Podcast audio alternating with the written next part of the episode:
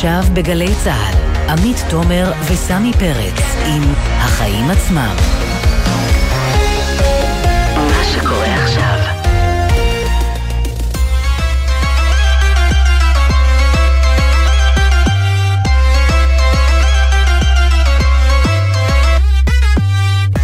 עכשיו שש ושלוש דקות, אתם על החיים עצמם, התוכנית הכלכלית-חברתית של גלי צה"ל.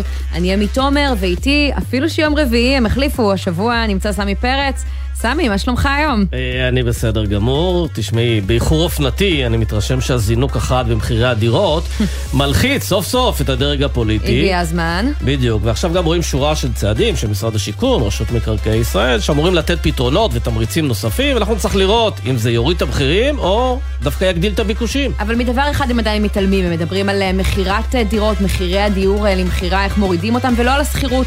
לכן אנחנו נדבר על זה, נדבר על זה עם שני ששכר הדירה שלה התייקר מאוד, וננסה להבין מה אביעד פרידמן, מנכ"ל משרד הבינוי והשיכון, מה הצעדים החדשים שהם נוקטים, ואיך מטפלים בסיפור של השכירות, שעדיין אה, נעדר אה, משולחנם. נעסוק גם בעזיבת אה, מנכ"ל נמל אשדוד, משה שיקו זנה, שהתפטר היום מתפקידו, ויצא בהאשמות חריפות נגד דירקטוריון הנמל. על פוליטיזציה, לא פחות, ואנחנו רואים שיש איזה גל כזה של הרבה מאוד מנהלים שטוענים לפוליטיזציה בחברות הממשלתיות, לא מפתיע. כן. אז חוץ מזה אנחנו גם נהיה עם יושב ראש ההסתדרות ארנון בר דוד בריאיון ראשון, מאז הוא נבחר לקדנציה נוספת, נדבר איתו על העלאת שכר המינימום ועל המגעים לשינוי עסקת החבילה. וגם אה, נדבר על אוהדי הספורט, ואיזה מסכנים האוהדים, כמו שאמר השיר, עם המחיר הגבוה שהם צריכים לשלם עבור צפייה בשידורי ספורט. ים יוסף שלנו ידווח על המאמצים של משרד התקשורת לשנות את זה, ולשנות את שיטת תמחור השידורים. ונסיים מצעד הגאווה בתל אביב, שייערך בסוף השבוע, ועם ההשפעה שלו על התיירות בתל אביב, עמית, במו עיניי ראיתי, העיר מתמלאת תיירים. כן, ורק אה, התחלנו, יש עוד אה, כמה ימים עד המצעד, הרבה חסימות אגב יהיו מסביב לבית שלי, גם זה. אה, אז סמי, יש לנו הרבה להספיק, אבל קודם כל, כרגיל, מה הכותרת שלך? תשמעי, איש ההייטק אה, שלמה דוברת, הוא המייסד של קרן ויולה, הוא לא מרבה להתבטא, אבל פעם בשנה, בכנס השנתי של מכון אהרון, המכון שקרוי על שם אביו, אהרון דוברת, הוא מדבר, ואתמול הוא אומר דברים מאוד מעניינים. הוא התייחס למשבר בהייטק, אנחנו מדברים על זה פה לא מעט, והוא תיאר את המשמעות לענף של קריסת מניות ההייטק. אז הוא אומר, יהיו פיטורי עובדים, וזה טוב, חברות ייסגרו, ואנחנו נראה גם ירידת שכר העובדים, וגם זה טוב, כך הוא אומר. מדוע? כי הוא אומר שהיו כאן הרבה מאוד חברות בלי מוצרים, בלי מכירות, גייסו כסף, לא היה להן שום דבר להציע לעולם. והוא טוען שייקח שנים להצדיק את השווי שחברות הייטק קיבלו כאן לאחרונה. הוא גם מדבר על זה שתחלופת העובדים בהייטק מאוד מאוד גדולה, וכל חברה מאבדת בממוצע 22% מהעובדים שלה מדי שנה. וזה כמובן הביא את השכר בענף לסחרור. ואתה שואל מצד אחד, מה רע? מה, רק יזמים ובעלי הון צריכים לעשות כסף? מה רע כן. שגם עובדים יעשו? אבל מצד שני, אם זה מנופח ומופרך ומלאכותי, מוטב להוציא אוויר עכשיו מהבועה הזו, ולא לנפח עוד ועוד עד שהפיצוץ יהיה הרבה יותר כואב. בהחלט.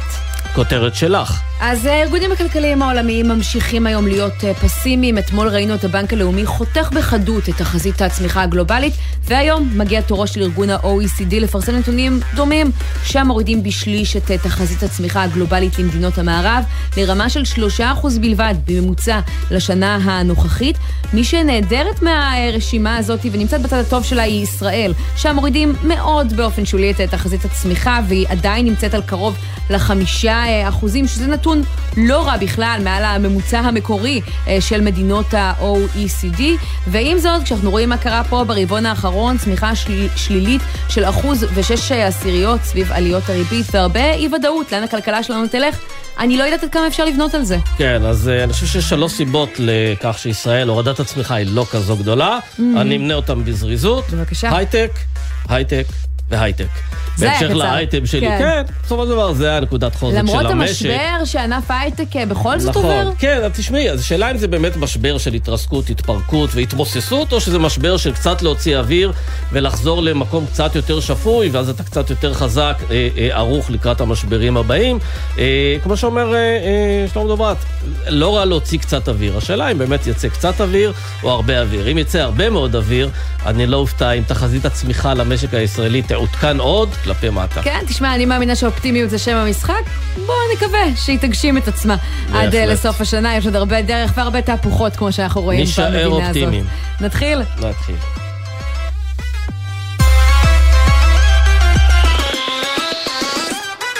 עכשיו אנחנו אה, למחירי הדיור, בזמן שהממשלה מציגה היום שורה של אה, תוכניות, החל מחוק המכר ועד אה, תמרוצים כאלו ואחרים לעיריות שיבנו כדי להגדיל את ההיצע של הדירות למכירה, יש נושא אחד שעדיין כל הצמרת המדינית מתעלמת ממנו, וזה מחירי השכירות. וזה בא בחוסר הלימה מוחלט למה שקורה בשטח. השטח בוער בשבועיים האחרונים, ומדברים על זה שם כל הזמן, ולכן גם אנחנו לא נפסיק לדבר על זה, ואנחנו רוצים לפתוח את התוכנית הזאת עם שני. שני, ששוכרת דירה ברמ, ברמלה. שלום שני.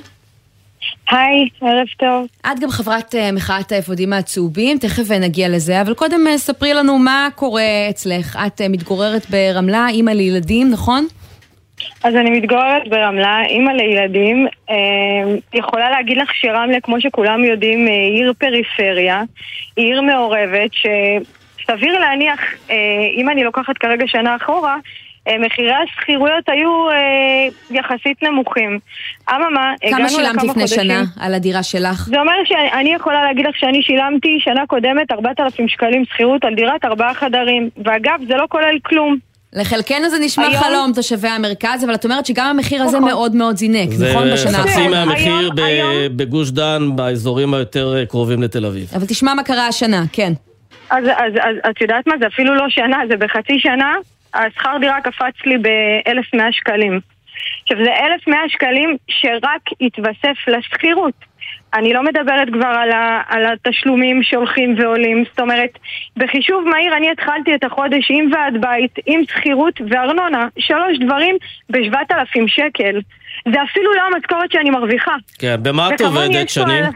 שני, במה את עוסקת? אני uh, מנהלת uh, מרכז למידה mm-hmm. uh, ועובדת במשרד. כן, ובעלך גם... חצי סטודנטית בישראל, בעלי הוא עצמאי, בעלי, אה, אני יכולה להגיד לך שלא קיבל שקל מהמדינה אה, בקורונה, אה, וזה מטורף, במקום לעזור לנו, בסופו של יום מה שאני רואה ואיך שאני רואה את הדברים, אני ממש לא אופטימית. אני רואה אותנו נזרקים לרחובות. מה? בינתיים מה שקורה פה, המדינה נותנת חסות למשקיעים, לבעלי דירות, לעשות מהתחום הזה בלי פיקוח שוק אפור. מה הסיטואציה וזה, שלך וזה... כרגע? החוזה תכף נגמר, מעלים ב-1,100 שקל, מה את עושה בימים אלה? אין, אין, לי, אין לי מה לעשות, אני פשוט מחדשת כמו ילדה טובה, כי אני מבינה שיש לי שלושה ילדים שצריכים קורת גג. בסופו של יום אנחנו האזרחים המבוגרים כבר הגענו למצב שאמרנו אוקיי, אנחנו נשרוד. אנחנו נשרוד, אנחנו כבר בתוך זה. למה הילדים שלנו, למה הדור הזה צריך לעבור את זה? כן, שאני... ובעל הדירה, מה הוא אומר לך שאת, אה, כשהוא בא ומבקש אה, יותר, שכר דירה גבוה אז יותר? אז אה, הסיבה, הסיבה היא האינפלציה עלתה, המחיר משכנתה עולה, ואני לא יכול לשאת בהוצאה הזאת. מה מבינים מהדבר הזה? שאנחנו הסוחרים בעם ישראל, בידיעה, משלמים משכנתה של מישהו אחר, והמדינה פה לא באה ובאה לקראתנו, איפה אנחנו הסוחרים? איפה ההגנה עלינו? איפה ההגנה שאני יודעת שיום מחר הבעל הדירה שלי, אם, אם אני לא מסכימה לו להעלות אה, אה, סכום, הוא לא יזרוק אותי לרחוב? למה המדינה לא לוקחת דיור ציבורי ומקצה אותה לסוחרים? אנחנו בסך הכל אנשים צעירים, זוגות צעירים כאן, ששירתו בצבא, שנולדנו כאן. ובעלי הדירות פשוט מבינים כרגע שאנחנו רואים את הדירה כחלום רחוק. תגידי, לעירייה, לעיריית רמלה יש אה, איזה שהם פתרונות, איזה שהם ניסיונות לסייע לתושבים? אני יכולה להגיד לך שאדון ראש עיריית רמלה, לא רק שהוא לא מסייע לתושבים, אלא הוא עוד מעלה פה כספים על ימין ועל שמאל. הן בחינוך, והן בארנונה, והן בשמירה, בכל דבר אפשרי. וזאת הבעיה, שבסופו של דבר זה פה. אפילו לא רק הדיור, זה אולי הדבר הכי חריף, אבל הכל uh, מתייקר. נציין שמאזין לך עכשיו אביעד פרידמן, מנכ"ל משרד הבינוי והשיכון, תכף נשמע את התגובה שלו uh, לעניינים uh, האלה, אבל קודם אני רוצה לשאול אותך ככה uh, לסיום, את גם uh, מייסדת uh, מחאת האפודים הצהובים. נזכיר, מחאה שהתחילה ב-2018, אה, ככה בהומאז' למה שקרה בצרפת אה, באותה אה, תקופה, ניסיתם למחות על יוקר המחיה, אני חושבת שאז הדגש בעיקר היה במזון, גל עליות מחירים. למה המחאות החברתיות... כן. אז יפה, אז אני אעשה לך סדר. יש את האפודים הצהובים שאומנם השתייכה ל-2018, אנחנו מחאת 2022. אז על מה אתם מוכרים ב-2022? אז יפה, אנחנו מוכרים כרגע על הורדת מס הבלו שמרכיב 70% אה, מהדלק, מהחשמל. אנחנו מוחים על הארנונה ואנחנו מוחים פה על משבר הדיור, חלה בשכירויות. אנחנו למה משבר הדיור תמיד במקום האחרון? גם בשאר המחאות החברתיות, הרי זה בסוף הרבה יותר משמעותי, קורת גג, מאות כמה שקלים בעיניי, אה, נכון, אה, בסופר. נכון. ויש תחושה... השותף שלי, השותף שלי, קוראים לו עורך, עורך הדין אייל בסר גליק. ואנחנו ביחד אה, פועלים במישורים דווקא אה, בדרישת ועדות שיוקמו אתמול גם כדי לפקח פה על המחירי שכירויות, גם כדי להתחיל... טוב, רק נציין שהוא גם חבר ליכוד והדברים האלה לא, לא קרו באף תקופה פוליטית, אבל אין ספק שהדברים חשובים. אין ספק, אבל את יודעת, יש את התחום הפוליטי ויש את התחום החברתי. אני כרגע, כל עוד אני בחברתי, אני דואגת לחברתי, והחברתי זה, זה אני כחלק. אני חווה את זה על הבשר שלי. את חושבת שתצליחו לסחוף אנשים, כמו שראינו אז, אה, לרחובות, או שזה לא משהו שברמה הזאת שמספיק מעסיק את הציבור? את תדעי לך, היום הציבור הוא, הוא במקום שהוא כבר מבין שאין לו מה להפסיד. אין לנו מה להפסיד. כן. המחירים פה עולים, אנשים פה כבר, את יודעת, מתחילים, הם מתחילים את החודש בגירעון של 5,000 שקל. הם כבר, את יודעת, מקוששים אה, אה, ממש מוצרים בסיסיים. לא לוקחים את הילדים לסופר, אין לנו כבר מה להפסיד. אנחנו האזרחים, וכבר, איך אומרים, תמות נפשנו עם פלישתים. כן, כן שני, תודה רבה. ונעבור עכשיו לאביעד פרידמן, מנכ"ל משרד הבינוי והשיכון. תכף אנחנו, שלום. שלום לך ולמאזינים. אתם אה, מעבירים היום שורה ארוכה של אה, צעדים גם בכנסת ואתמול במינהל מקרקעי ישראל, תכף נדבר על כל הצעדים החשובים האלה, אבל אני חייבת לשאול אותך לפני זה על אה, מחירי השכירות, כי יש תחושה שלא במשרד השיכון ולא במשרד האוצר, אף אחד לא נדרש לבעיה הזאת שפשוט מבהירה את השטח בשבועות האחרונים. מה עושים עם זה? תראי, יש עוד משהו שהמרואיינת שלפניי, ששמעתי רק לצערי רק חלק מדבריה, אה, והרבה אנשים גם לא מתייחסים. בשנה האחרונה הגיעו לפה 25 אלף אה, עולים חדשים, לא בשנה, בשלושה חודשים האחרונים. Mm. ה-25 אלף עולים האלה זה למעלה מ-7,000 יחידות נוספות שנוספו בעולם השכירות. מדובר באנשים שלא רכשו דירות כמובן, אלא גרים בשכירות כמעט כולם.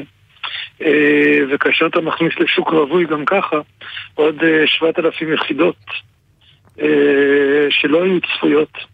אז כמובן על פי עקומת הביקוש וההיצע. כן. כן, השאלה אבל למה לא באתם עם סל של פתרונות שונים? כלומר, כדי למנוע מצב של העלאת שכר הדירה לאנשים שגרים פה הרבה מאוד שנים, פשוט לספק פתרונות מסוג אחר, נקרא לזה כך, לאנשים שבאו מאוקראינה. הסוג, הסוג אתה יודע, אין, אין פתרונות כסף לשים אנשים בתוך קרוונים זה בעיניי פתרון רע.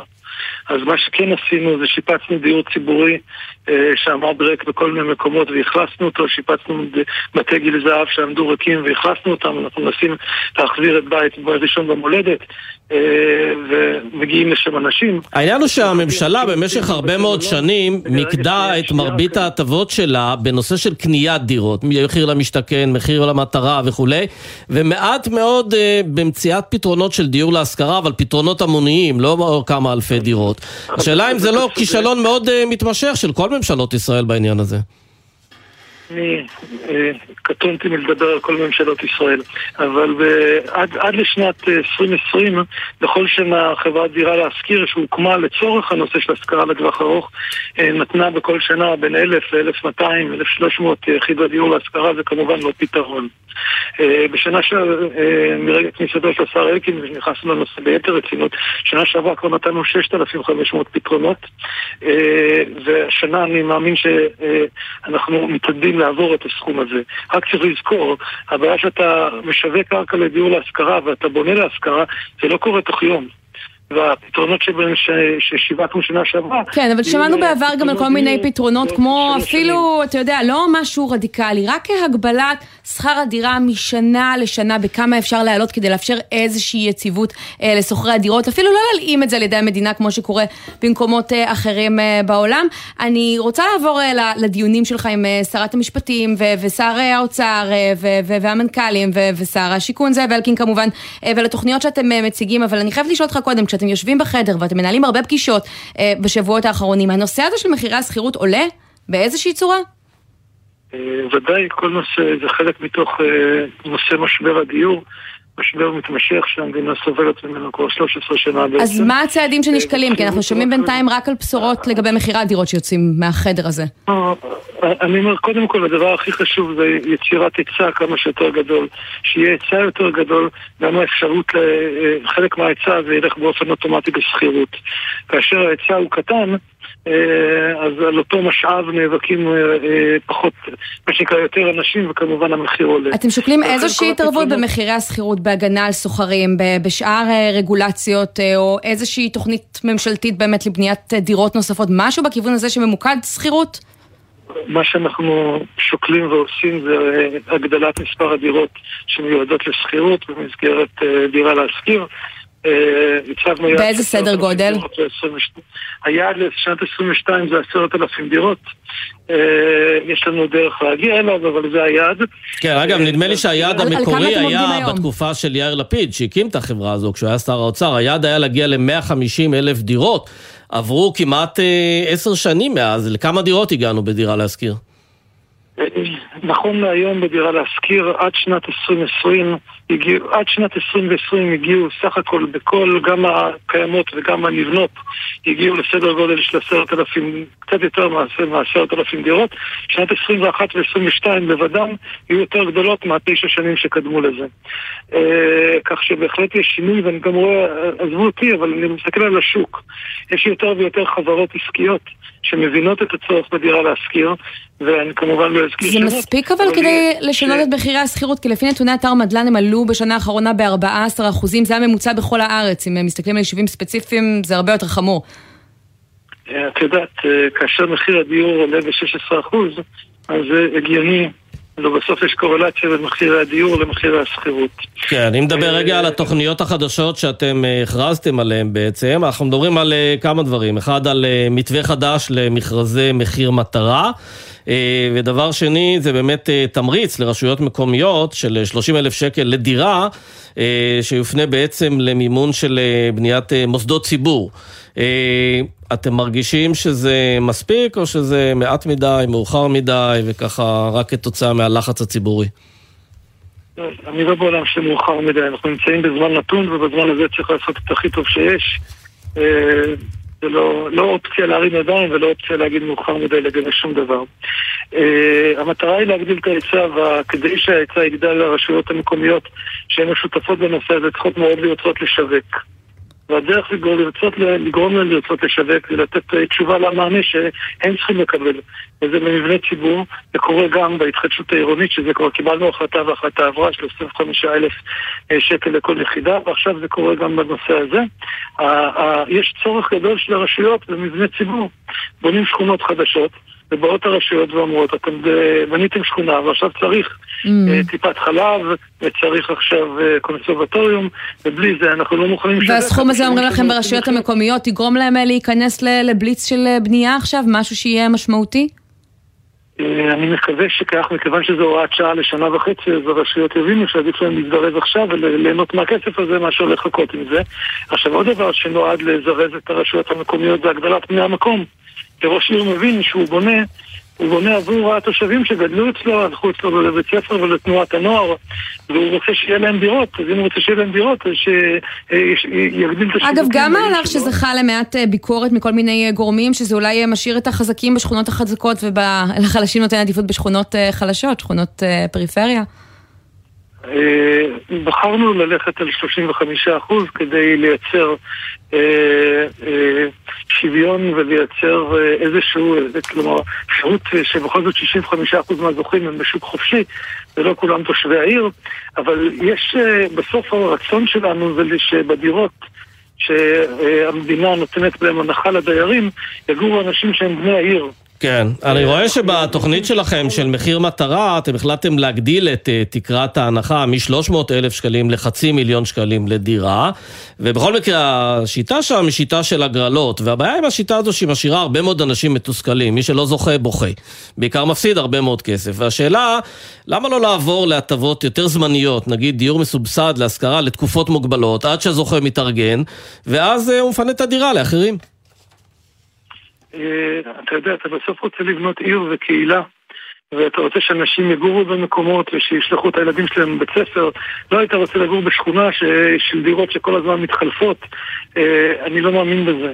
אני חושב שצריך לתת גם פתרונות להשכרה שאנחנו מדברים עליהם, פתרונות להשכרה לטווח ארוך של חמש ועשר שנים. אה, לתת דירות קלט הם יהיו דירות שיתוחזקו בצורה מאוד גרועה, כי הבן אדם לא ירגיש אליהם קשר.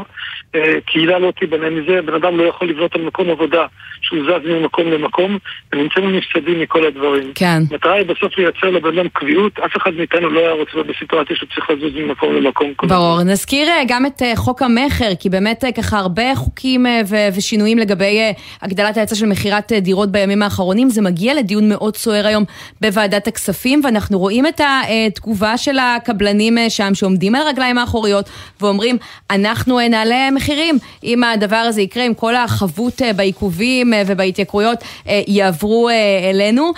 אני לא יודעת אם אני חושבת שהאיומים האלה במקום לדעתי, אבל אני רוצה לשאול דעתך, אם אתה לא חושב שבסוף, בשטח, הדבר הזה יוביל להתייקרות במחירי הדירות.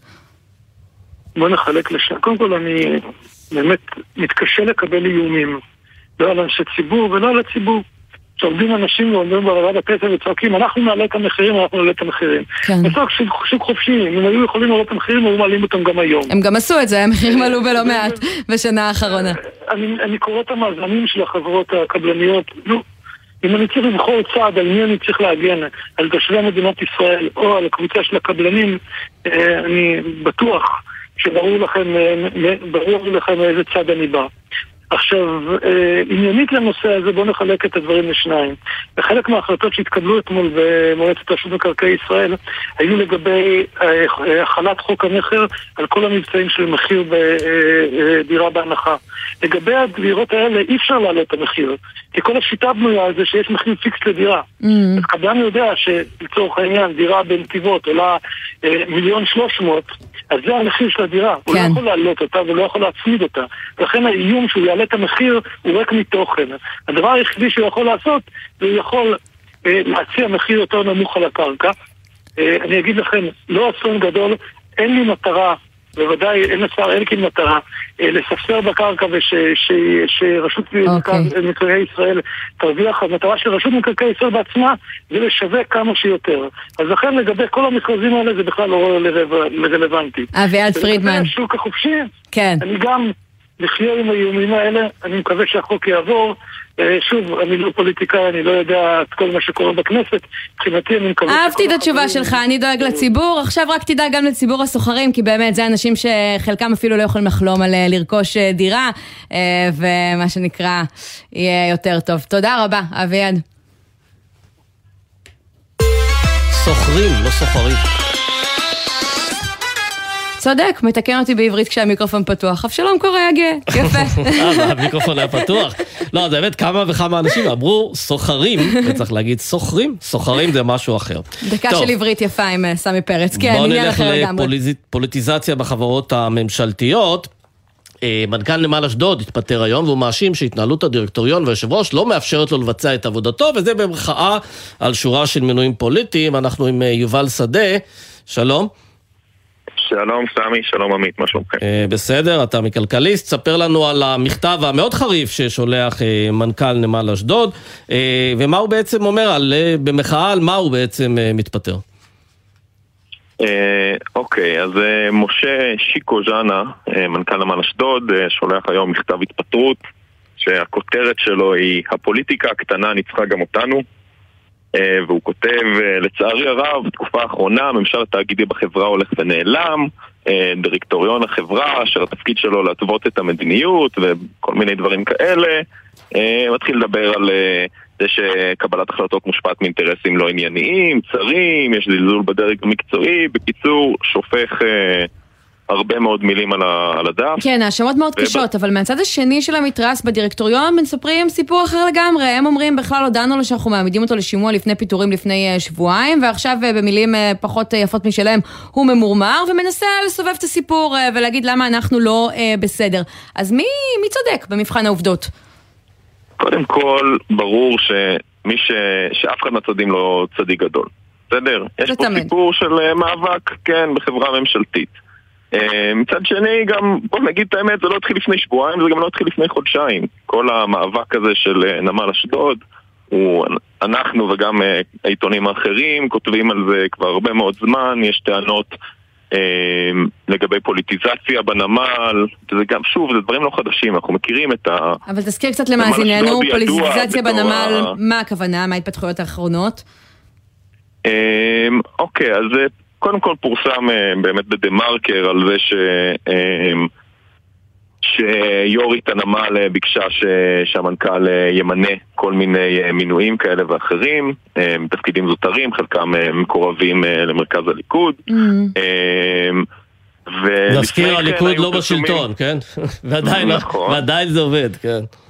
כן, לפני כן היו אצלנו פרסומים שדיברו על זה ש... אמ, הדירקטוריון אה, ביקש אה, לשנות נתונים תפעוליים בנמל, והמנכ"ל התנגד, זה, זה סיפור שהוא מתמשך, ואני אגיד שהוא גם לא מאוד שונה ממה שקורה בחברות ממשלתיות אחרות, אנחנו רואים דברים די דומים ברכבת ישראל. לא, אבל. יש פה הבדל גדול, יובל, משום שהיינו מצפים שדווקא בגלל לקראת פתיחת התחרות בנמלים, ברגע שיפתחו את נמל הדרום החדש, היינו מצפים שהנמלים הוותיקים, גם נמל אשדוד, גם נמל חיפה, יתאפסו על עצמם, יערכו לתחרות, יעבדו יחד כדי לתת מענה לתחרות וישתפרו ויתייעלו, אבל בפועל אתה רואה שפשוט זה לא משנה איזה ממשלה יש ואיזה תחרות יש, ה-DNA הזה של פעם לא, לא משתחרר מהם. אמ, קודם כל, אתה צודק, בסדר, יש פה באמת אה, מקרה חריג, כי הנמלים במצב אחר, ובאמת נפתחה התחרות, אבל מצד שני, דווקא הפקק בנמלים נותן להם המון אורך רוח, כי יש להם לקוחות שבויים. כן. כל האוניות ייכנסו, לא משנה מה יקרה, אה, בסוף אה, הם יעבדו לאט, הם יקבלו בדיוק את... זאת אומרת, הנתונים התפעוליים של הנמל, כמו חברות הספנות, דווקא לא נפגעו מכל המשבר בשרשרת אספקה, אז... והפקק רק עושה להם טוב. אז לסיום במשפט, אתה חושב שהטלטלה הזאת בצמרת הנמל אה, תשפיע על הפקקים? תשפיע על יוקר המחיה, או שזה שני סיפורים נפרדים? אני חושב שזה לא סיפור של יוקר המחיה, זה סיפור של מינהל תקין, כן. ושל ערבוב של פוליטיקה וכלכלה, שלצערי... נמשך ורק נהיה יותר ויותר גרוע עם החילוף בצמרת אה, רשות החברות. טוב, נראה איך זה יימשך כשאין מי שככה עם ההגה אה, בנמל אה, כעת. יובל שדה, כלכליסט, תודה רבה. תודה לכם. ועכשיו אנחנו לכנס דוברת לכלכלה שהתקיים היום באוניברסיטת רייכמן והצליח להביא את בכירי האוצר לדבר על איך שהם רואים את המשק הישראלי. או איך שאמר שר האוצר היום ליברמן, אני לא מבין למה הכנס כאן ולא אצלנו במשרד האוצר, אני מחפש את כל הבכירים במשרד וכולם כאן. אז עם הכותרות, אה, כן, מהכנס אה, בהרצליה, מצטרפת אלינו כתבתנו עינב קרנר. היי עינב.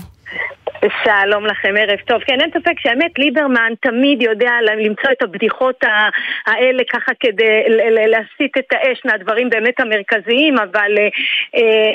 אה, די הפתיע ששר האוצר מגיע היום לכנס כל כך חשוב, כנס אה, שעוסק במדיניות כלכלית ואחרי הדוח של אה, הבנק העולמי אתמול והתחזית המטרידה על הירידה בצמיחה, הוא לא התייחס לזה, הוא דיבר על כל כך דברים, על החרדים ועל עוד חסמים ועל הדבר הכי חשוב, הוא בעצם לא דיבר על התוכנית המרכזית של הממשלה, אבל הוא כן דיבר, התייחס אה, לשכר המינימום שכאמור עבר כבר בקריאה ראשונה, אבל לא נרחיב על זה, כן נאמר שהבוקר יחד עם חברת הכנסת אפרת רייטן הם הוציאו הודעה שהם כן ייתנו לזה איזשהו פתרון, אבל בעצם לא, לא נתנו שום הסברים. כן, תכף נעסוק בזה בהרחבה, אבל uh, מעניין לשמוע מה ליברמן אומר בהקשר הזה. בואו נשמע דברים שהוא אומר ונמשיך.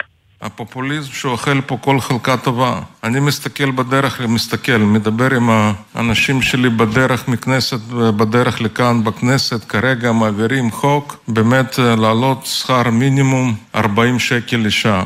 אני רק שואל למה לא 80 שקל? למה רק 40? כי 40 שקל זה באמת צנוע מאוד, אבל זה להקפיץ בבת אחת יותר מ-30 אחוז. טוב, שייזהר שלא ייקחו אותו אה, ברצינות. מה ליברמן עוד אה, מבשר לנו שם? והוא גם דיבר על, אני רק רוצה עוד משפט קטן לדבר הזה, שמצד אחד הוא כן יודע לבקר את הצד האחר, אבל מצד שני, גם לתוכניות שהם מוציאים, אין ממש כיסוי ולא רואים אה, איך זה מתקדם אה, לקראת אה, ביצוע. כן. אבל הוא גם דיבר על התשתיות, שאגב זה הנושא באמת המרכזי להנעת כל הכלכלה, בעיקר התחבורה של ה... סליחה, התשתיות בתחבורה הציבורית. גם פה הוא מעלה את החסמים, אין הרבה פתרונות, בואו נשמע. זה פיגור גדול בתשתיות שהוא, אני מעריך אותו במיליארדים. פיגור בתשתיות זה כמובן מפסי רכבת, אותו דבר בתחנות כוח, בייצור חשמל, בכל הפרמטרים של התשתיות המודרניות אנחנו מפגרים. ואם הצעדנו, הזכרנו את אה, מצעד הבכירים, אז אה, מגיע בין היתר גם אה, מנכ"ל משרד האוצר, רם בלינקוב, נכון? נכון, אז המנכ"ל רם בלינקוב גם מתייחס גם לנושא, לנושא של התשתיות, אבל בואו נשמע באמת קטע שהוא מדבר על, על, על נושא המשקיעים, שרק אתמול אגב פרסמו את הדוח שהראה דווקא ירידה. משקיעים בדירות, כן. של, שרכשו המשקיעים ברבעון הראשון, אבל בואו נשמע אה, כשהוא מתייחס אה, לדבריו של אה, אה, פרופסור מואב על כך שדווקא היציאה של המשקיעים רק יעלו את המחירים לשוכרים, בואו נשמע מה הוא אומר בנושא. החזרנו את אה, מס הרכישה לרמה מסוימת. אני לא מתווכח איתך, זה גם המשקיעים. אם הם היו קונים דירות ומחזיקים אותן ריקות, אז הייתי רואה בזה נזק, אבל הם משכירים אותן. יש ביקוש ל... לשכירות. אז אני לא רואה בזה, זאת לא הבעיה העיקרית של המשק הישראלי. כן, בעצם אלה, אלה מגוון הכותרות שככה אה, לקחנו מהכנס הזה, ואלה הדברים. יפה. עינב קרנר, כתבתנו, המון תודה. תודה לכם. כמה תשדירים, ואנחנו כבר חוזרים.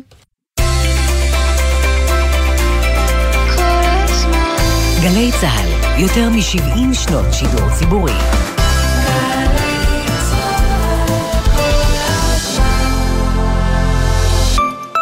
כשהקריירה שלך מכריחה אותך להיות כל יום בים, פלא שמתחשק לך לשיר?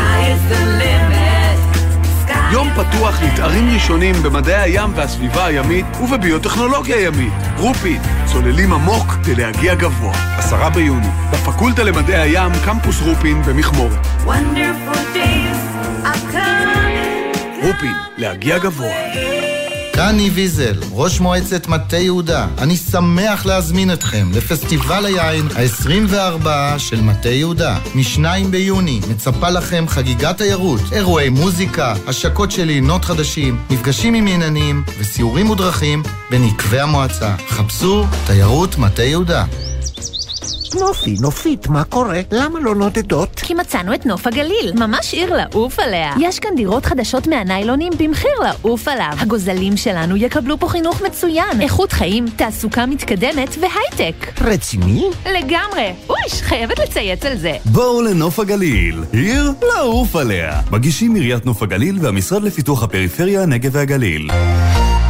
אילנה, את יודעת מה קורה אם יוצאים? מגיעים למקומות נפלאים. אז זה בדיוק מה שנעשה בבטבע שלנו, הסכת חדש למטבעי לכת. הצטרפו אלינו ותמצאו איתנו שבילים נסתרים, תעלומות ארכיאולוגיות והשראה לטיולים הבאים. כי לדעתנו, חוויית טיול טובה יכולה להתרחש בכל זמן, ולא רק בסופי השבוע. אז קדימה, הביאו נעליים טובות ולפחות 4 ליטר סקרנות. בטבע שלנו, עם אילנה בנימין וגיל טבת. עכשיו, ביישומון גלי צה"ל, או בכל מקום שאתם מאזינים בו להסכתים שלכם. מירי מסיקה מגיעה לפסטיבל מדיטרנה במופע חגיגי עם תזמורת האופרה הקאמרית הישראלית אשדוד. אורחים אמיר דדון וגליקריה.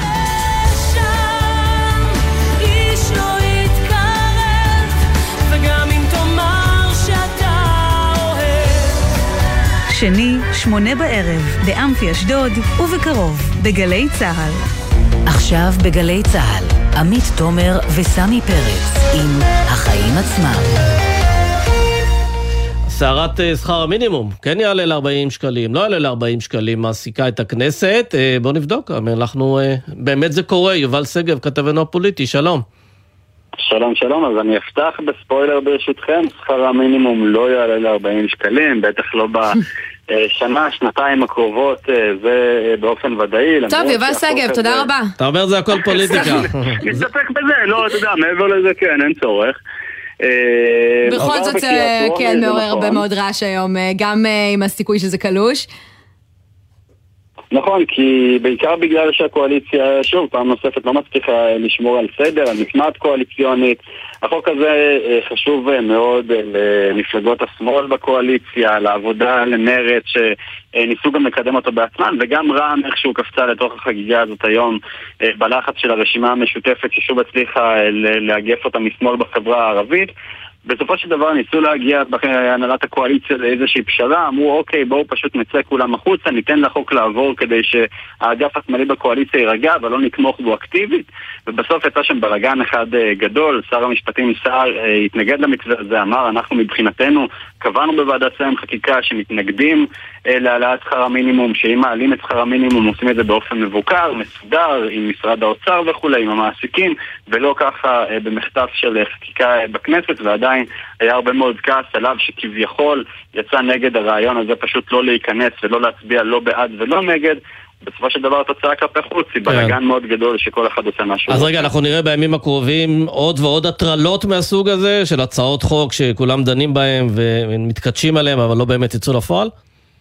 כן, בשורה התחתונה, ראינו את זה באופן כללי בשבועות האחרונים, האופוזיציה מנסה להביא כמה שיותר הצעות שיאתגרו את אה, אה, חברי הכנסת הרופפים יותר נקרא לזה בקואליציה במטרה בסופו של דבר שאחד מאותם קשים שמעמיסים גם אם זה באמת הצעות בלי יותר מדי משמעות בלי אפשרות באמת לעבור בקריאה שנייה ושלישית בלי להפוך לחוק אה, מוצק זה עדיין יכול להיות עוד איזשהו כן. קש שבסוף ישבור מי שבסוף יגרום לאחד מחברי הקואליציה לחצות את הקווים ול...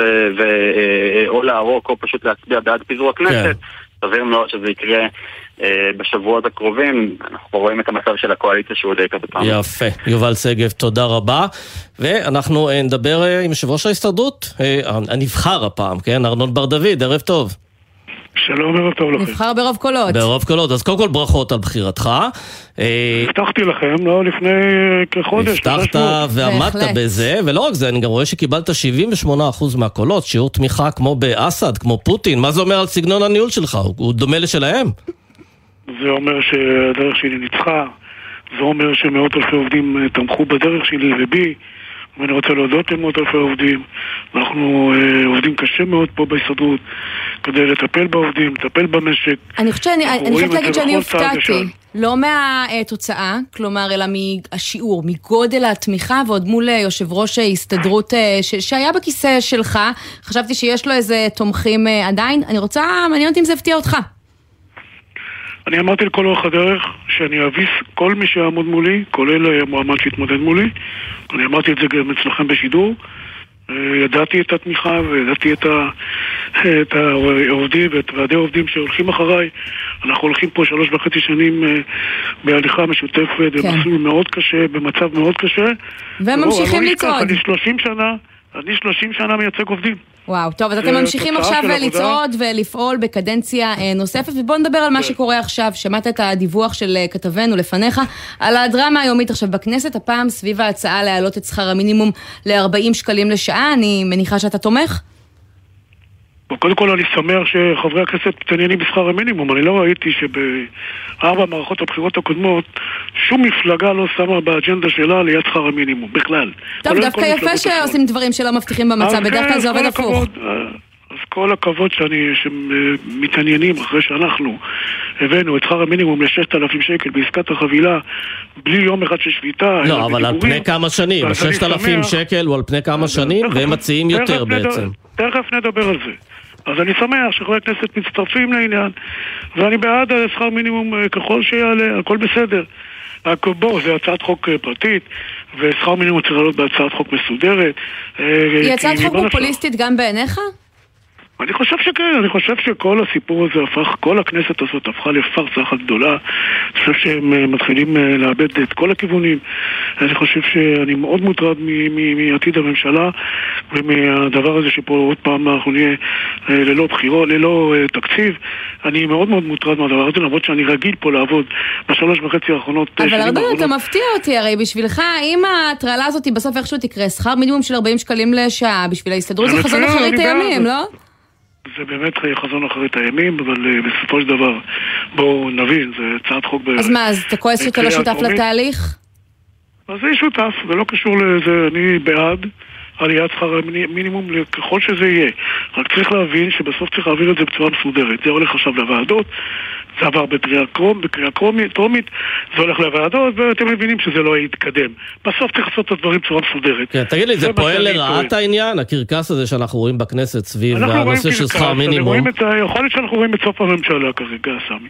ואנחנו יכול, יכול להיות שאנחנו עומדים בפתח של תקופה מאוד מסוברת, שעוד פעם לא נוכל להעביר תקציב, הכל ייתקע לנו פה, יש לנו הסכמי שכר בדרך, יש לנו שכר מינימום לחוקק, יש פה דברים שצריך לקדם אותם, יש מדינה על הקצה, יש משק שצריך לקדם אותו, והכנסת אה, רבה בינה לבין עצמה עם חוקים כאלה ואחרים, וזה דבר שהוא מדיר שינה מעיניי, בטח אחרי שעברנו את תקופת הקורונה כן. המטורפת. לא, אבל זה שנתיים אתה אומר- אתה אומר- והיינו שותפים בהבראת המשק, ולשים אותו על הפסים אחרי רבעון אחד, כן. ב-2022, דיברנו על זה בפעם הקודמת. כן, אז ייאמר באמת אה, לזכותך, אומר היום נגיד בנק ישראל בכנס אה, בהרצליה, אומר שאחת הסיבות שהאינפלציה בישראל פחות גבוהה מזו של ארה"ב ואירופה, זה הסכם השכר שאתה חתמת עליו, שבעצם הביא להקפאת שכר, אבל בקרוב זה יסתיים, וכמו שאתה אומר, אנחנו צריכים לעשות הסכמי שכר. יכול להיות שכל המאבק סביב, סביב שכר המינימום הוא בעוכרי הדיונים על העלאות השכר שאתה מתכנן אה, במשק להרבה מאוד סקטורים חזקים יותר מעובדי שכר מינימום? לא, לא, זה לא קשור אחד לשני. בואו, כרגע צריך להבין שאנחנו הולכים אחרי הקפאת השכר, הולכים להסכמי מסגרת, שהפעימה הראשונה שלהם תהיה בינואר 2023, ויש כבר צוותים שעובדים על המשא ומתן הזה. צריך להבין שהאינפלציה פה הרימה ראש, צריך להבין שהנתונים המוניטריים שהיו באוקטובר שנה שעברה השתנו כרגע, המצב ברבעון הראשון, אנחנו גמרנו עם כל הגירעון, יש פה צמיחה מעל 8%. העובדים שותפים לעניין הזה כתוצאה מעסקת החבילה. אנחנו התנהלנו באחריות, הצלנו את המשק. זה הזמן שהמדינה עכשיו, יש לה כסף גם בקופה, לתת לעובדים ולא להשאיר אותם רגע, אבל אמרת בעבר שהסיבה שאתה דורש להעלות את שכר המינימום מעבר למה שסוכם בעסקת החבילה, זה הצמיחה המפתיעה אה, במשק, זה ההסבר נכון. שלך, אבל מאז עברנו לצמיחה שלילית של קרוב ל-2% ברבעון האחרון. אז למה עדיין צריך לבחון את זה לשיטתך זה מחדש? עדיין מה שאני, מה שאני כרגע מבקש, וזה כנראה מה שגם יהיה, זה שאנחנו נקדים את הפעימות של שכר המינימום ל-6,000, נשאר במסגרת הזאת. אני הייתי מאוד רוצה להגיע ל-40 שקל, אבל כנראה שזה לא יהיה. אגב, רק צריך להגיד, אתה אומר בפעם הזאת. 6,000, ובעצם 40 שקל לשעה זה כמעט 7,300 שקלים, זה פער מאוד גדול. אני אומר שאני בעד לעלות גם ליותר מזה, ואין בעיה, אולי אבל אתה לא מתכוון כנסת. להתעקש על התוצאה הסופית, אתה מתכוון להתעקש על הדרך לשם, על הפעימות שהם יקרו יותר מהר. אני חתמתי על הסכם, ומה שאני חותם זה חתימה. מה שכן, יש נתונים מוניטריים חדשים, ואני כרגע עומד לבקש ולדרוש וגם להשיג את הפעימה הראשונה של שכר המינימום. אמרתי את זה כבר בכל החצי שנה האחרונה, היא לא תהיה 100 שקל, היא תהיה 200 וזה יהיה 5,500.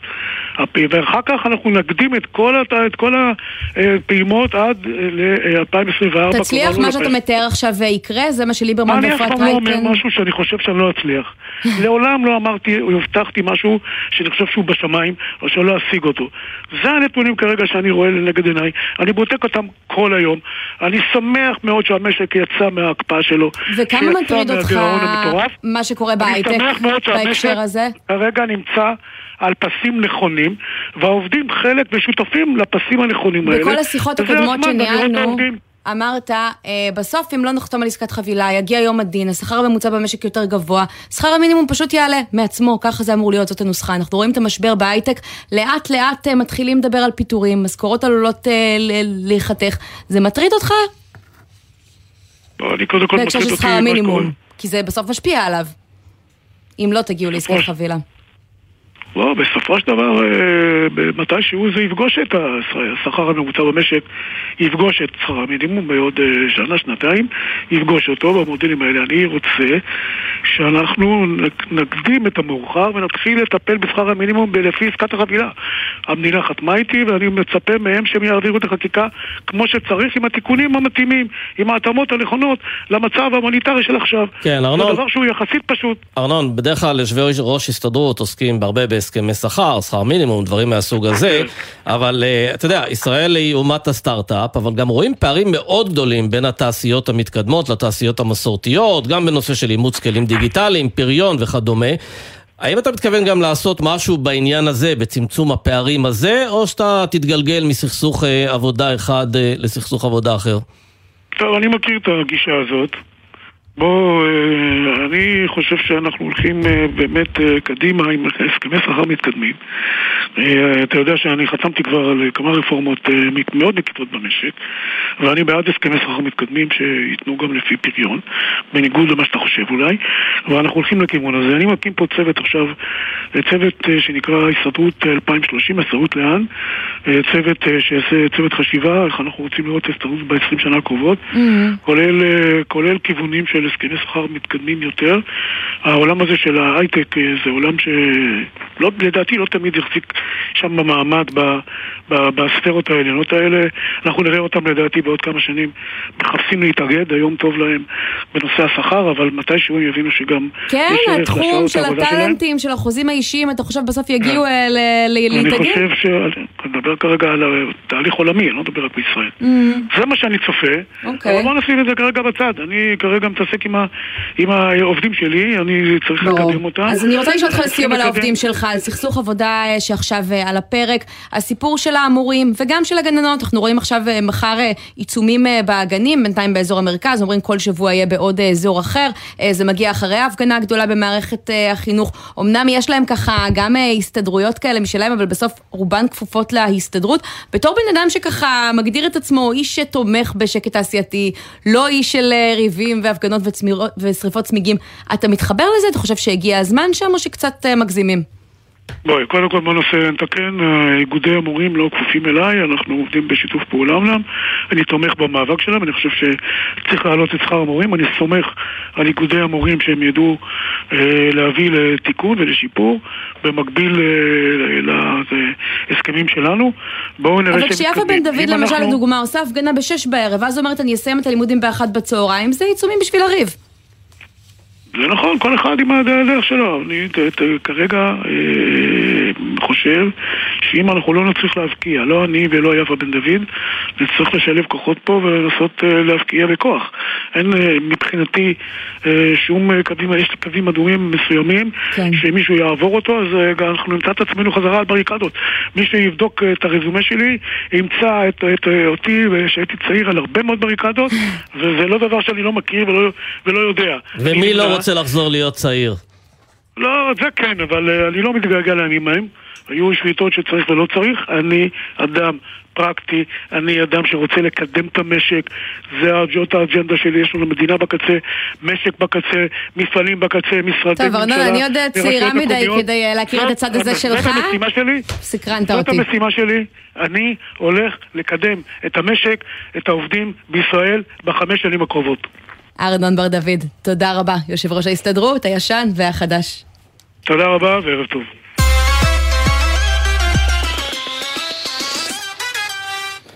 משרד התקשורת עובד על מהפכה בשידורי הספורט, את יודעת שאנחנו משלמים, לא יודע מה את משלמת, אני משלם לא. הרבה מאוד כסף על שידורי ספורט. מסתבר אגב שגם אני משלמת כי אני חייבת, אבל אה, ככל שזה היה תלוי בי, לא הייתי שמה על זה אפילו שקל אחד. יפה, אז אנחנו מכורים, וים יוסף כתב לנו לענייני תקשורת, בוא תספר לנו אם מצבנו, אוהדי הספורט משתפר או דווקא מורע. אני לא חלק מאוהדי הספורט, אבל כן, חובבי הספורט קלים וכבדים כאחד, כדאי שיאזינו היטב למהפך הזה, כי אתם יודעים, שידורי הספורט זה עסק יצרי, יקר ומעורר המון המון אמוציות, בדיוק כמו המשחקים עצמם. אז כחלק באמת מחוק השידורים החדש שמובילים במשרד, חברות הכבלים, הלוויין וגם אלו שמשדרות על גבי האינטרנט לא יצטרכו לספק יותר ערוצי ספורט כחלק מחבילות הבסיס, ובנוסף, כמעט ולא יהיו חייבות לרכוש עוד שידור של ליגות רבות, לא פעם גם ליגות זניחות, אותם פגשנו באותם ערוצי ספורט פתוחים. מעתה מי שמעוניין לצפות בערוצי הספורט יצטרך לשלם עליהם בנפרד. הרעיון הוא להוריד מהצרכן הכללי, זה שלא צורך ספורט, בדיוק כמו עמית, את התשלום הנוסף על שידור שהוא לא יצפה בו, ובעתיד גם להוריד עבור צרכני הספורט את המחירים. שכן התחרות רק תלך ותגבר. כן, ומה היה עד היום? אז בעצם בוא ניקח דוגמה פשוטה. עמית, את חובבת ספורט מושבעת, את אה, לא יכולה בלי ערוצי הספורט, כל המשחקים וכל הזמן, וסמי, אתה בחדשות. עד היום חברות הכבלים שלכם היו חייבות לספק לכם כ-160 שעות של שידורי ספורט שהוגדרו מראש בחוק. אלו ערוצי חובה. זה יצר בעיה כי חברה שחייבת לרכוש משהו, המחירים שהיא תקבל מאותן זכייניות יהיו מאוד גבוהים ואין לה הרבה מה לעשות עם זה. מי משלם? כלל הצרכנים על שירות שרק חלק צורכים. אז עכשיו משנים את המשחק, מעתה ערוצי ספורט יוצאים מחבילות הבסיס, שידורים רבים של ענפים שונים לא יוגדרו חובה. זה יאפשר לחברות לנהל משא ומתן טוב יותר מול ערוצי הספורט על השידורים, להוזיל עלויות לצרכנים וכמובן גם לצרכני הספורט שמשלמים מחירים מאוד יקרים. אז רגע, אני אשלם בסוף יותר או פחות? אתה תשלם, בטווח המיידי תשלם קצת קצת יותר, אבל המבנה של החבילה שלך ישתנה. כלומר, אם שילמת עד היום 200 שקלים, וזה כלל גם את אותם ערוצי ספורט, אז עמית תשלם עכשיו 180, וסמי ימשיך לשלם 200. רגע, רק נסביר, הוא כחובב ספורט ואני כלא חובבת ספורט. בדיוק. כי קודם זה היה הפוך, אהבתי. את הקטע המגדרי. ומה כן. עם מי שצופה רק באירועים אה, גדולים, כמו אולימפיאדה או מונדיאל למשל, כי את הדברים האלה אני לא חושבת שאני אצליח למנוע מהבן זוג שלי.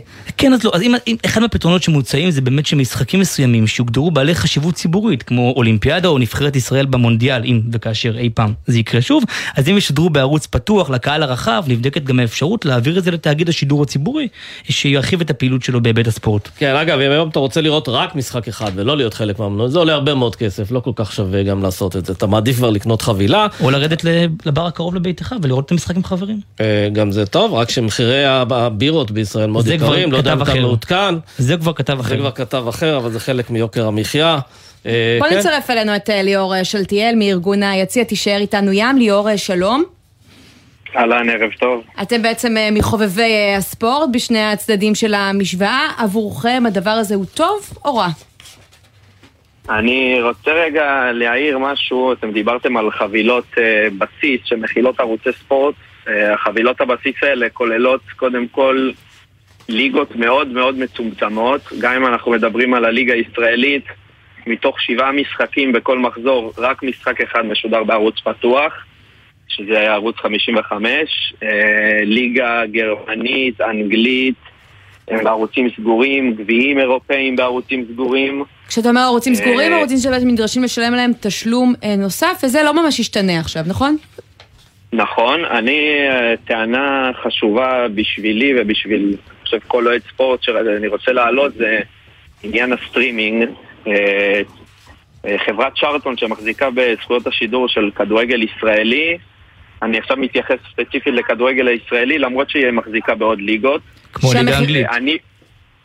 אנגלית ו- וגרמנית וגביע ספרדי ואיטלקי ועוד המון המון אה, כדורגל עולמי. שהמחירים של הדברים פה- האלו מאוד התייקרו בשנים האחרונות, נכון? המחירים עלו ב- מאזור ה-45-50 שקלים להיום 80 שקלים אה, לחבילה. אה, העניין המרכזי שאני רוצה לדבר עליו הוא פחות המחיר שגם הוא מאוד חשוב, אבל הנושא הקריטי לדעתי כרגע זה עניין הצפייה בסטרימינג שמאות אלפי לקוחות שיש לחברות האלה כמו פרטנר, כמו סלקום, שיש רק לפרטנר וסלקום יש חצי מיליון מנויים היום. Mm. אני בתור לקוח, אני בתור לקוח שלהם, שיש לי את חבילת צ'רלטון, שזה ארבעה ערוצי ספורט, אה, לא, לא מקבל את האפשרות לצפייה אם אין לי ממיר בעצם. עכשיו, למה? בתור לקוח סלקום, כי זה החלטה עקרונית של צ'רלטון, שהם לא פותחים את האופציה לצפייה בשירותי סטרימינג. כלומר, אני בתור לקוח סלקום, יש לי אופציה לחמישה משתמשים שונים. אני יכול לחבר את הטלוויזיה, את המחשב, את האייפד, וזה אמור להיפסק. במתווה החדש? המתווה החדש, המתווה החדש הוא די אה, סודי כרגע, אנחנו ניסינו לברר מה, מה ייגזר שם פרקטית בספורט. אז הנה, יש פה כן, את ים יוסף כתבתנו, ואני... אתמול, אה, כן, אתמול בכנסת גם ליאור היה נוכח בדיון, דיון בעניין אה, שירותי הסטרימינג וכל ההתפתחות של אה, שידורי הטלוויזיה בישראל. בעצם עד היום החוק הוא מותאם לתקופה שהיה רק הוט בכבלים ויס בלוויין, הוא לא מורגל, הוא לא מותאם לחברות שמשדרות באינטרנט כמו פרטנר או כמו סלקום, ובאמת שחוקק, שנכנס שידורי הספורט והם נכנסו, נמנע מהצרכנים. כן, שזה? חסם מעבר בעצם. מי כן, שבאמת. חשוב לו ספורט, לא רוצה לעזור. עכשיו, צ'רלטון דרך זה סוג אגב, של ה-80 מונופול. שקלים של ליאור ציין זה 80 שקלים רק על אותם ארבעה ערוצי ספורט. רק על אותם ארבעה, נכון. אז כן. צ'רלטון היא בעצם סוג של מונופול בסיפור הזה של שידורי הספורט. הרפורמה הזאת היא תחליש את כוחה כן, בשוק הישראלי? אה, גם תחליש וגם תאפשר בעצם לא יותר בלעדיות, כלומר, אה, צ'ארלטון יהיו מחויבים למכור לכל ספקיות הטלוויזיה באשר הן, לא משנה איך הן משדרות את הזכויות על השידורים כדי לאפשר לכולם לצפות בשידורי הספורט. הערה אחת על תחרות, נכון תמיד אנחנו אומרים שתחרות זה טוב? כן. אז הנה דוגמה לזה שתחרות לפעמים זה לא כל כך טוב, כי ערוצי הספורט התחרו ביניהם מי יביא זיכיון לליגת האלופות, לליגה האנגלית, למונדיאל, והם שילמו מחירים מאוד גבוהים בחו"ל. אז הכסף הלך למי? לרונלדו, למסי, לכל השחקנים האלה, ואנחנו צריכים לשלם את זה. כלומר, יש פה יש איזה אני רק- כשל, אז אתה כמעט בעלים של קבוצה, סמי. כמעט. ליאור, אני משפט סיכום אה, שלך? אם, אם אני יכול לציין רק נקודה חשובה, שהסטרימינג הוא, הוא חסום רק בישראל. כאילו, אם אני לקוח, אם אני היום עובר לגור באנגליה או בכל מקום אחר, אני יכול לרכוש דרך אותה צ'רלטון, חבילת כדורגל ישראלי, והם כן נותנים לי אופציה לראות צ'רלטון בסטרימינג. שלנו? אותה צ'רלטון?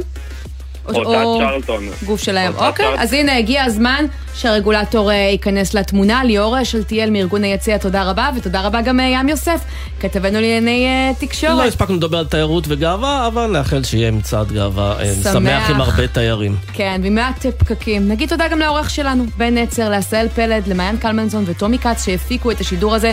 טכנאית השידור הייתה רוני טרנובסקי, ובדיגיטל, יולי אמיר, אני עמית תומר, סמי פרץ, תודה רבה. תודה רבה גם לך. ואנחנו נחזור. כן, ביום ראשון, אחרי המצעד. תבואו. ביי ביי.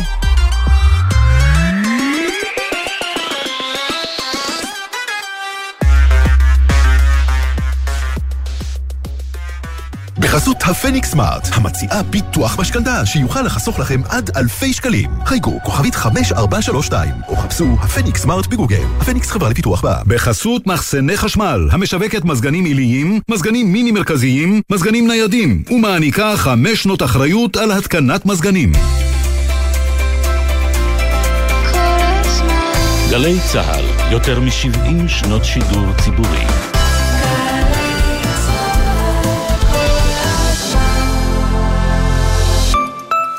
משרד התרבות והספורט מזמין את הציבור לאירועי חודש הקריאה. מגוון אירועים, מפגשים, מופעים והצגות שהם חג ליוצרות וליוצרים בספרות ובשירה. האירועים יתקיימו בכל רחבי הארץ חינם. חגיגה של ספרות, מוזיקה ותרבות. עוד פרטים באתר משרד התרבות והספורט, בפייסבוק ובאינסטגרם. חודש הקריאה. מילים טובות במרחק נגיעה. להודות על שנה של עשייה בתשדיר של 30 שניות? צריך לפחות שבוע. נכון מאוד. בני ובנות השירות הלאומי-אזרחי, אנו שמחים להזמין אתכם לשבוע ההצדעה השנתי, שיתקיים מ-6 עד 16 ביוני, ז' עד י"ז בסיוון. בואו ליהנות מטקס מצטייני השירות הלאומי-אזרחי בבית הנשיא, מאירוע ההצדעה המרכזי בבנייני האומה ומעוד מגוון אירועים מכלל המגזרים. הופעות של עדן חסון, נרקיס והראל מויאל, וירידי תעסוקה והכנה לחיים. חפשו בגוגל שבוע ההצדעה 2022 ומהרו להירשם. ציפורי לילה מאחורי הקלעים. ענבל גזית ורותם בן חמו משוחחים עם האנשים שעשו את עולם התרבות והמוזיקה הישראלי, על ההחלטות, הסיכונים והסיפורים. והשבוע מפיק ההופעות הבינלאומי גד אורון על עבודתו עם היוצרים מהגדולים בעולם. מוצאי שבת בחצות, גלי צה"ל. ג'ם, ג'ם, ג'ם, ג'ם, ג'ם, ג'ם, ג'ם, הג'ם, ג'ם, ג'ם, ג'ם, ג'ם, ג'ם, ג'ם, ג'ם. הג'ם של קוטנר חוזר. ג'ם? בכל חמישי יואב קוטנר מארח את האומנים הכי מעניינים להופעה חיה באולפן. והשבוע דיוויד ברוזה וחנן יובל. הג'ם של קוטנר, עכשיו ביוטיוב של גלגלצ. ומחר, בשתיים בצהריים, בשידור בגלי צה"ל. ג'ם חוזר. מיד אחרי החדשות, נורית קנדי.